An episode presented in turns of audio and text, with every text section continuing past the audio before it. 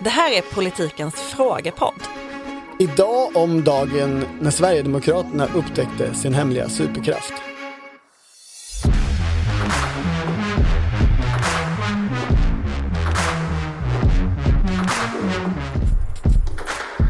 Du hade en fråga till mig, ursäkta, nu tappade jag bort den.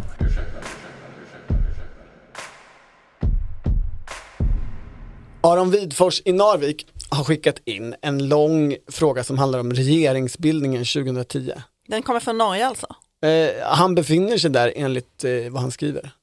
Mm, eh, han säger, jag har fnulat på valet 2010 i några månader nu och får inte ihop det. I stora drag har mandatförhållandena inte förändrats särskilt mycket sedan dess om man målar med en bred pensel. Och varje regering sedan dess har haft sin egen överenskommelse i decemberöverenskommelsen, januariavtalet och Tidöavtalet. Men 2010 verkar det som att SD bara gick med på att släppa fram regeringen Reinfeldt utan några egentliga krav. Visste de inte hur man förhandlade? Är den enda anledningen till att allt har blivit mycket svårare i efterföljande val att SD upptäckte sin hemliga superkraft, nämligen röstknappen, alltså att rösta nej? Ja, spännande fråga. Är, är svaret så? Ja.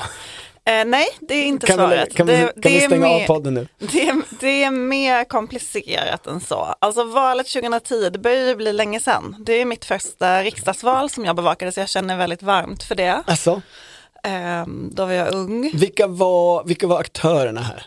Jo men det var ju Mona Sahlin Ja. mot Fredrik Reinfeldt och det var ju då eh, Alliansen hade suttit en mandatperiod och vänstersidan hade kommit fram till att de behövde ett svar på allians, alltså de behövde också ett sammanhållet regeringsalternativ. Så de gjorde ju, Det var Lars Ohly, Salin, Wetterstrand, Eriksson som och hade, de hade ju förhandlat ihop sig om ett gemensamt valmanifest. i bastun på Bommersvik. Så det var två tydliga lag mot varandra. Och sen så var det ju Sverigedemokraterna som såg ut att komma in i riksdagen. Och då skulle ingen av de båda få majoritet. Och, och så, stod ju Reinfeldt, det måste vi ändå få med som en färgning här. Han stod ju, Reinfeldt och Borg stod ju på sin absoluta topp. Det var ju här han hade sådana rekord förtroendesiffror. Och Ja, liksom, Moderaterna fick över 30 procent i valet och hade nog blivit största parti om det inte vore för stödrösterna till de små och alla socialdemokrater som liksom drömt sedan 90-talet om att Mona Sahlin skulle få bli partiledare och liksom det stora hon skulle göra, allting slutade bara i gråt på den här valvakan och På Tekniska museet i Nalin Stockholm. Pekgul fick komma upp och liksom krama om Mona Sahlin för att stötta och stödja.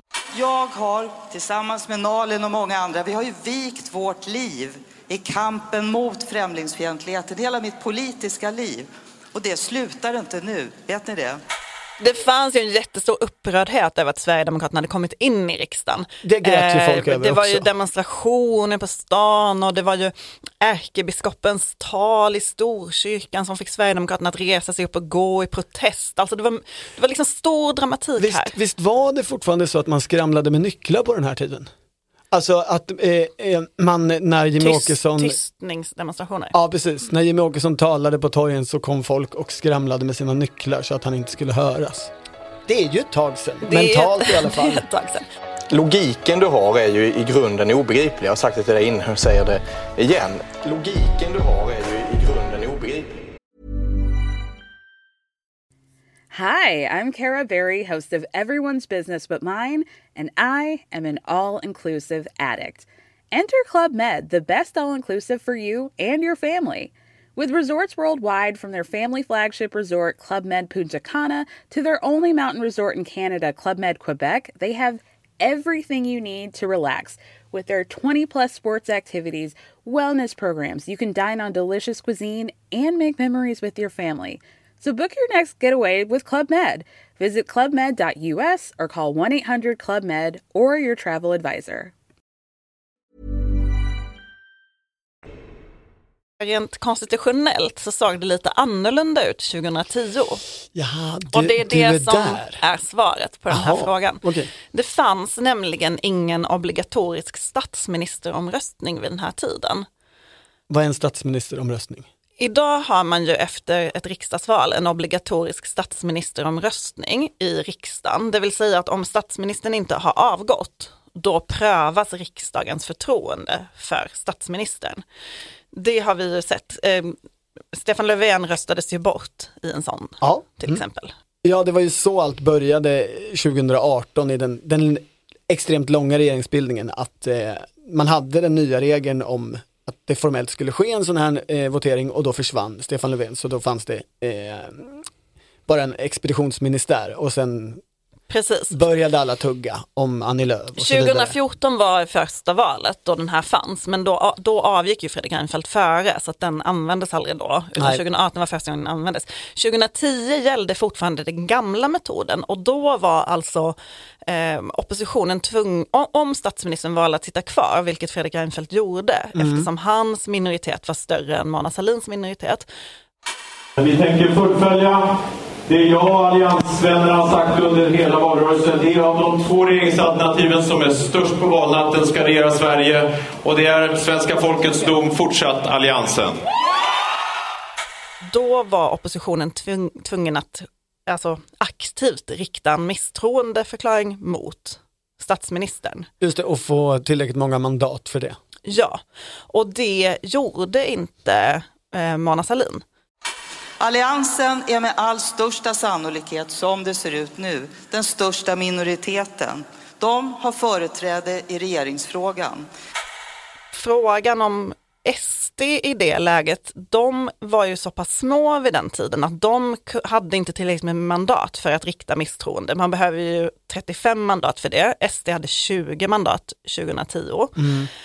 Ehm, Vänsterpartiet hade nog kunnat vara lite sugna. Alltså, Lars Ohly gav intervjuer vid den här tiden att han tyckte att man skulle göra det. Men han skulle ju aldrig göra det ihop med Sverigedemokraterna. Det här var ju en tid då eh, han ville ju inte ens sitta i SVTs sminkloge ihop med Jimmy Åkesson. Han reste sig och gick därifrån på valnatten. det, det han var skulle ju... den valnatten. Vi går in och tar lite smink här. Får vi... Det är inte någon Jimmy Åkesson där inne? Jimmy Åkesson sitter också och sminkas. nej, det väntar jag på. Vill du inte sminka? Nej, absolut inte. Okej, vi får se vad som händer. Någon kanske kommer vara lite glansigare inne i studion här.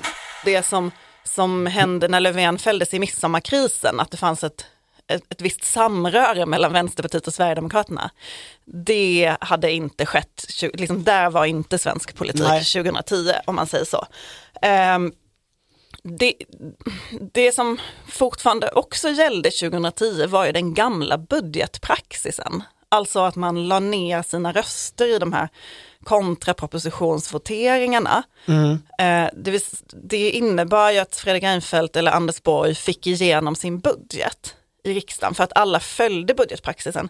Och det man kan säga som SD sen, när sen SD väl upptäckte knappen, det var ju 2014 när de upptäckte att de inte behövde följa budgetpraxis och då röstade på Alliansens budget så att Stefan Löfven eh, som kunde tillträda det här, nu blir det tekniskt. Alltså, ja, nu är vi på nu är vi- 2014. Nu är vi på 2014. Då kunde Stefan Löfven tillträda i minoritet. Det kunde han göra tack vare att Alliansen la ner sina röster i statsministeromröstningen. Ja. Annars hade han aldrig kunnat göra det. Men han fick ju inte igenom, eller Magdalena Andersson fick ju inte igenom sin budget eftersom SD inte föl, föl, följde budgetpraxis. Det, Det- hade de inte kommit på 2010. Nej. Det, och Give det, them var, hell. det, det, var, så, det finns två saker som är förändrade. Dels, eh, dels det konstitutionella och dels att, att Sverigedemokraterna drev igenom en aktiv förvandling av budgetpraxis och egentligen kopplingen mellan budgeten och rege, regeringsfrågan. Som ju inte är formellt kopplat. Nej, det var ju att, det, det här var ju give them hell smset. Alltså Jimmy Åkesson är utbränd eller i alla fall sjukskriven. Eh, Mattias Karlsson är vikarierande partiledare och Jimmy Åkesson smsar. När den här frågan kommer upp, ska eh, Magdalena Anderssons budget fällas på något sätt? Eh, give them hell. Partisekreterare Björn Söder skickade till mig eh, ett sms där han frågade en sista gång vad tycker du om det här nu? Och då skrev jag give them hell. Egentligen skulle ju SD teoretiskt ha kunnat gjort det redan 2010, för då gick de rödgröna partierna fram med en gemensam budget på hösten. Ja, det gjorde de. Sen kraschade ju hela det samarbetet. Och Juholt kom. Ja. Och, ja, mm, mm. Så att de hade kunnat göra så redan då, men, men jag tror inte att man riktigt var där. Man hade precis kommit in i riksdagen, det var nog ganska omtumlande för många sverigedemokrater. Det pågick också då en diskussion om hur stora ska utskotten vara? Ska SD få plats i utskotten för att man skulle rent tekniskt ha kunnat krympa antalet ledamöter och SD var så litet parti då så då hade inte de fått plats. Men det valde de andra partierna att inte Ja men då göra. vill man vara en sån som tror på reaktion så att säga. Eh, så kan ju en förklaring också vara hur SD behandlades den första mandatperioden. Alltså de, de var ju inte välkomna i, i utskotten eller i liksom diskussioner eller i något forum överhuvudtaget. Så där, där det gick att hålla dem helt ute så gjorde man ju det med kanske lite ovanliga eller bryska eller oschyssta metoder. Och då är det inte jättekonstigt att SDs känsla efter valet 2014 är vi måste på något sätt spränga systemet för att kunna få genomslag eller rucka om allting så att, så att någonting händer. Och decemberöverenskommelsen kom ju sen till som en reaktion på det för att man skulle kunna fortsätta regera i minoritet och vara garanterad att få igenom sin budget. Eh, Eh, det, det, var ju, det var ju det som den handlade om, det var ju för att undvika nyvalet efter valet 2014. Men 2010 hände ju en annan rolig sak och det var ju att eh, Fredrik Reinfeldt sa vi kommer nu vända oss till Miljöpartiet. Han sa vi kommer jobba i riksdagen för att skapa majoritet för olika frågor.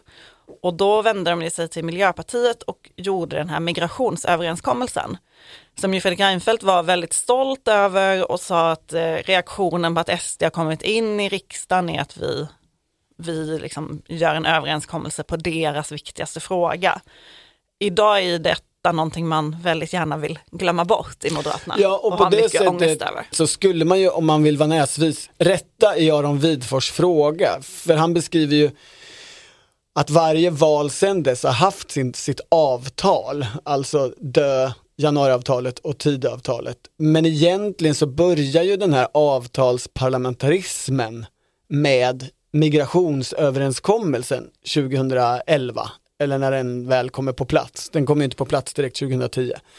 Eh, Så ska man se, På ett sätt, men Reinfeldt hade ju kunnat sitta kvar oavsett den. ja, de- men den växer ju fram successivt, för de, de blir ju också större och större de här avtalen. Det börjar ju med liksom, ja den här, ja den handlar om en fråga, eh, migrationen. Och, och sen så till decemberöverenskommelsen så växer den till någonting liksom principiellt men fortfarande ganska smalt. Januariavtalet blir rätt stort. Eh, spretiga politikgrejer och tidavtalet är ju åtminstone i de här chefsförhandlarnas huvuden ett regeringsprogram egentligen till alltså hela regeringsprogrammet eller i alla fall 80% av regeringsprogrammet. Om svaret på mina frågor är nej, då respekterar jag naturligtvis det. Nej, tack.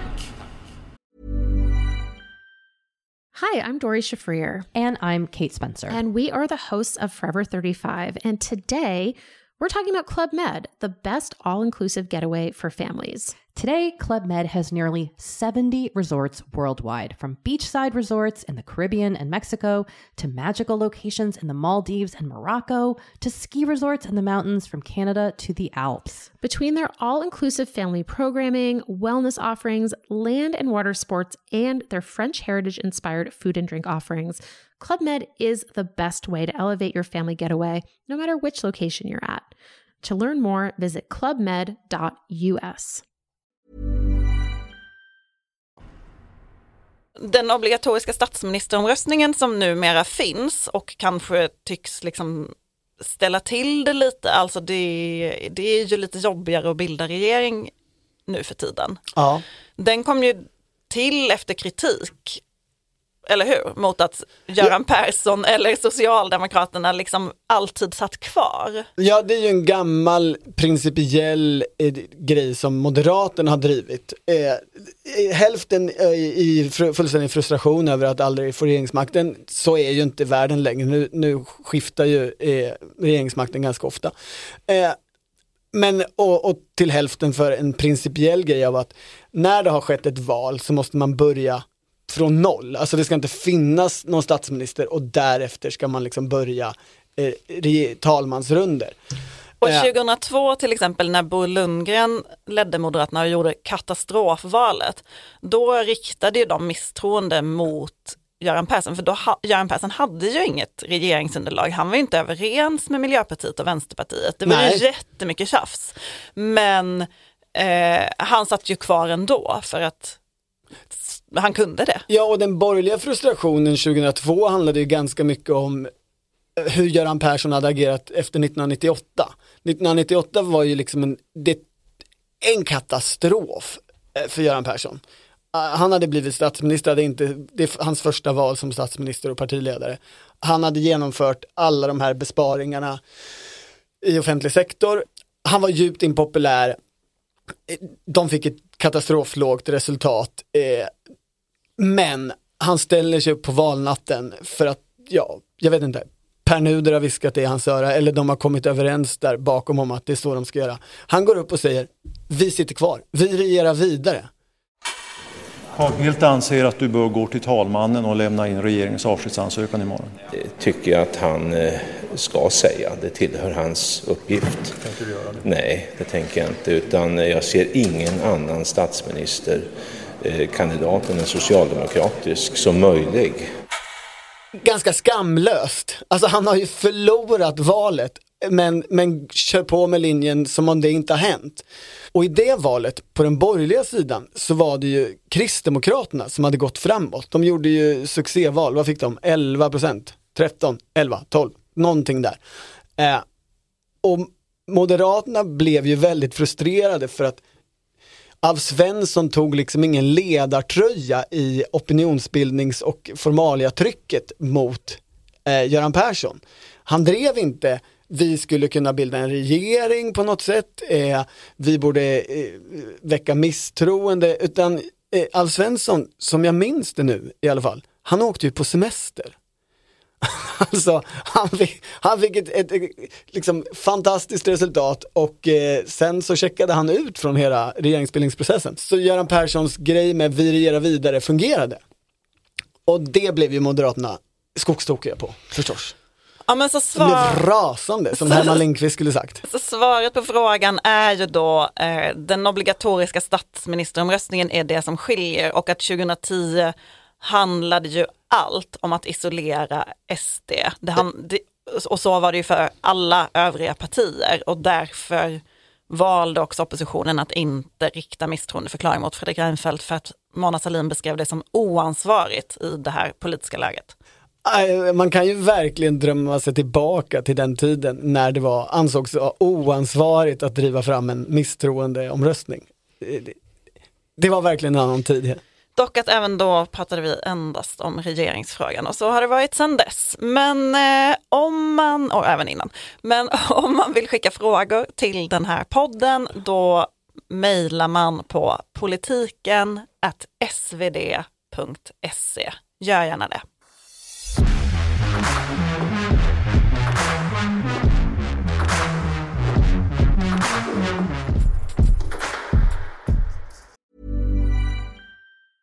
Hi, my name is Danny Pellegrino from Everything Iconic, and I'm excited to talk to you about Club Med.